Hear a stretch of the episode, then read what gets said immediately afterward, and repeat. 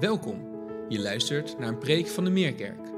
We hopen dat je door deze preek geraakt mag worden door de liefde van Jezus. En dat je aangemoedigd mag worden om Hem samen met ons te volgen en van Zijn liefde te getuigen.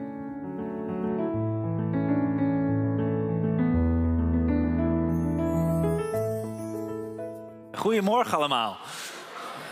Zo, wat fijn. Jullie mogen elkaar één voor één begroeten. Ik mag het gewoon in één keer naar jullie allemaal doen. En het is Pinkster vandaag.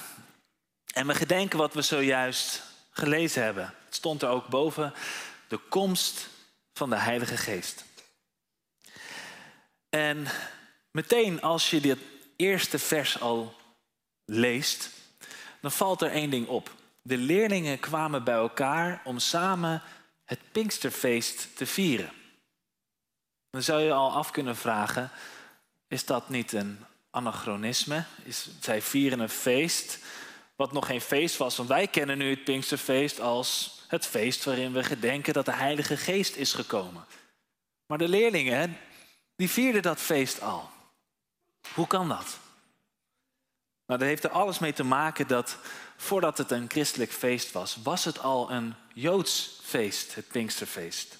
Net zoals dat wij paasfeest hebben, Pasen, was dat ook daarvoor al een Joods feest, namelijk het Pesachfeest, wat ze nog steeds vandaag de dag vieren. Nou, het Pinksterfeest kennen we in de Bijbel ook wel als het wekenfeest. En dit was de dag van de eerste opbrengst van het land. Dus er was oogst en de eerste oogst die werd geofferd aan God als dank dat Hij dit jaar weer voorzien heeft in voedsel. En um, het is zo'n 50 dagen na Pasen, na Pesach. Daarom, als je uh, in het Engels kijkt, dan heet het ook Pentecost. En dat komt uit het Grieks Pentecost, wat betekent 50, 50 dagen na Pasen. Maar wat opvallend is, en wat de Joden ook gingen inzien, is dat het niet alleen het wekenfeest was waar ze dus de oogst, uh, de dank gaven voor de oogst, een oogstfeest. Maar het was ook 50 dagen na Pesach. 50 dagen later, en als je het verhaal in Exodus leest, wat gebeurt er dan ongeveer 50 dagen daarna? Dat ze door de woestijn heen gaan en uiteindelijk komen ze bij de berg Sinaï. En op de berg Sinaï gaat Mozes naar boven en hij ontvangt daar de tien geboden. Dat is wat zij herdachten. Ze herdachten dat Mozes de tien geboden ontving. Dat is waar het feest, het Pinksterfeest, om draaide. En voor degenen die vandaag te gast zijn in ons midden, is het goed om te noemen dat we in een preekserie zitten over dit verhaal van Mozes, over het verhaal van de Exodus, de uittocht uit Egypte. Vorige week stonden we erbij stil dat ze door de Rode Zee heen gegaan waren en belanden in de woestijn en brood kregen in de woestijn. En op weg waren naar de berg Sinaï. Want dat was waar het allemaal om te doen was. Ze werden niet bevrijd uit slavernij uit Egypte om vrij te zijn en vervolgens rond te dolen in een woestijn. Nee, ze werden bevrijd met een heel specifiek doel, namelijk om God eer te brengen bij die berg waar ze naartoe op weg waren.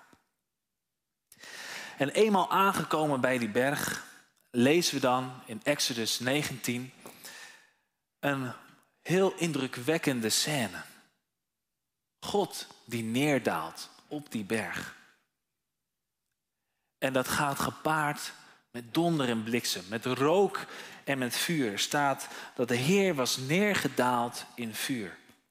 En dit beeld van vuur komen we vaker tegen in de Bijbel. Als een teken van de aanwezigheid van God, de heilige aanwezigheid van God. Denk alleen al aan de roeping van Mozes bij de brandende braamstruik. Niet te dichtbij komen. God is heilig, net als vuur. Daar kan je je vingers aan branden. Er blijft altijd nog een stukje afstand. Dat is God. En je mag dichtbij komen, maar niet te dichtbij, want Hij is een vuur. Een teken van Gods majesteit. zijn heiligheid, zijn grootheid. En nu is het niet toevallig dat juist op dit Pinksterfeest, waar de leerlingen bij elkaar kwamen om dat te vieren, dat juist op deze dag de Heilige Geest neerdaalde uit de hemel. Want er zijn veel vergelijkingen met het verhaal van het Pinksterfeest zoals wij dat kennen en het verhaal van Exodus 19 en de berg Sinaï. In beide gevallen komt God namelijk naar beneden. In beide gevallen is er sprake van, van wind en van vuur. In beide gevallen is er een boodschap. Op de berg ontving Mozes de tien geboden. Een boodschap van God. En bij Pinksteren ontvingen ze de boodschap van het evangelie om door te geven aan de wereld. Het evangelie van Jezus Christus. Maar het verschil is bij het verhaal van Exodus 19 dat niemand de berg op mocht, behalve Mozes. Zelfs niet de priesters die gewoon waren om in de tempel dicht bij God te komen in zijn aanwezigheid. Zij mochten zelfs de berg niet benaderen en als je dat deed, dan viel je dood neer. Zo heilig was God. Je kon niet dichtbij komen. En Mozes, Mozes fungeerde als de bemiddelaar van het volk. En als het volk het weer verprutst had, ze hadden gezondigd, dan was het Mozes die de berg op ging om te pleiten bij God. Wilt u ze alsjeblieft nog een kans geven? Wilt u alsjeblieft hun zonde weer vergeven? Dat was de rol van de bemiddelaar, de priester zou je kunnen zeggen. Mozes. En het verschil met het Pinksterfeest, wat we net lazen, is dat we niet een menselijke bemiddelaar hebben, een soort nieuwe Mozes. Nee, een hele nieuwe bemiddelaar vinden we in Jezus Christus. En wat maakt hem anders? Jezus is zowel mens als God. Als hij bemiddelt bij God, hij is God. En hij is mens. Hij is de, perfect, de perfecte bemiddelaar. En hij deed wat Mozes nooit zou kunnen doen. Namelijk, hij stierf voor onze zonde. Hij bepleitte niet alleen met God. Al wilt u ze alsjeblieft vergeven. Maar nee, hij zei, de straf die zij eigenlijk zouden moeten krijgen, die wil ik dragen. Dat is wat Jezus voor ons gedaan heeft. En dat lezen we ook in Matthäus. Toen Jezus zijn leven gaf aan het kruis, dat het voorhangsel in de tempel scheurde.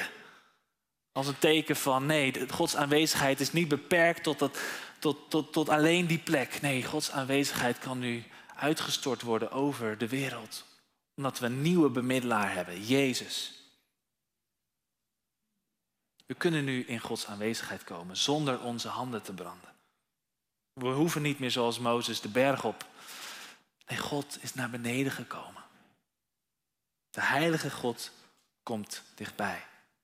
Dat is de boodschap van Pinksteren. Stonden letterlijk in vuur en vlam. Vuur en vlam. Door de geest van God. En dat is het resultaat. Wanneer wij de geest ontvangen. En dan lezen we ook. Ze begonnen te spreken in verschillende talen. Om wat te doen? De grote daden van God te verkondigen. De wonderdaden van God. En het evangelie van Jezus te verkondigen. En het was vanaf dit moment dat deze boodschap niet alleen was voor de mensen die één taal spraken, die Hebreeuws konden. Nee, voor iedere taal, voor iedereen. En dat is de reden dat wij vandaag hier, 2000 jaar later, zitten. Om ook het evangelie in onze taal gehoord te hebben. En tot geloof gekomen te zijn in diezelfde Jezus Christus. Het is de Heilige Geest die eenheid brengt over culturele en over taalgrenzen heen. Want hij wil iedereen bereiken. En ik vind het prachtig om te zien dat we ook in ons midden steeds vaker uh, kom ik Engelstalige mensen tegen. En daarom hebben we ook uh, de liturgie uh, bij de ingang van de, van de kerk. Een liturgie in de Engelse taal, zodat je toch iets mee kan, krijgen van de diensten. Zingen we ook vaker een Engels lied in meerdere talen. En dan onderstrepen we alleen maar die boodschap van Pinksteren. Dat het goede nieuws van Jezus voor iedereen is. Hoe anders we ook kunnen zijn. We vinden ons in, dit ene, in die ene waarheid. Namelijk dat Jezus Christus de Messias is. De Zoon van de levende God. Dat Hij onze persoonlijke verlosser en Heer is. Nou, dat, daar zullen we straks getuigen van zijn. Als jullie het doopbad zullen betreden. En daarvan zullen getuigen. En dat is ook precies wat Trea ook al zei, wat gebeurde op die eerste Pinksterdag. Want Petrus nam het woord en hij gaf zijn eerste preek, zou je kunnen zeggen. En de mensen die die preek hoorden waren zo geraakt. En die vroegen, wat moeten wij doen, broeders? Waarop het antwoord was van Petrus, kom tot inkeer. Laat u alle dopen in de naam van Jezus Christus om vergeving te krijgen voor uw zonden. Dan zal de Heilige Geest u geschonken worden. Nou, wat een prachtige belofte voor onze dopelingen, maar voor ons allemaal zoals we hier zitten. Amen. Laten we met elkaar bidden.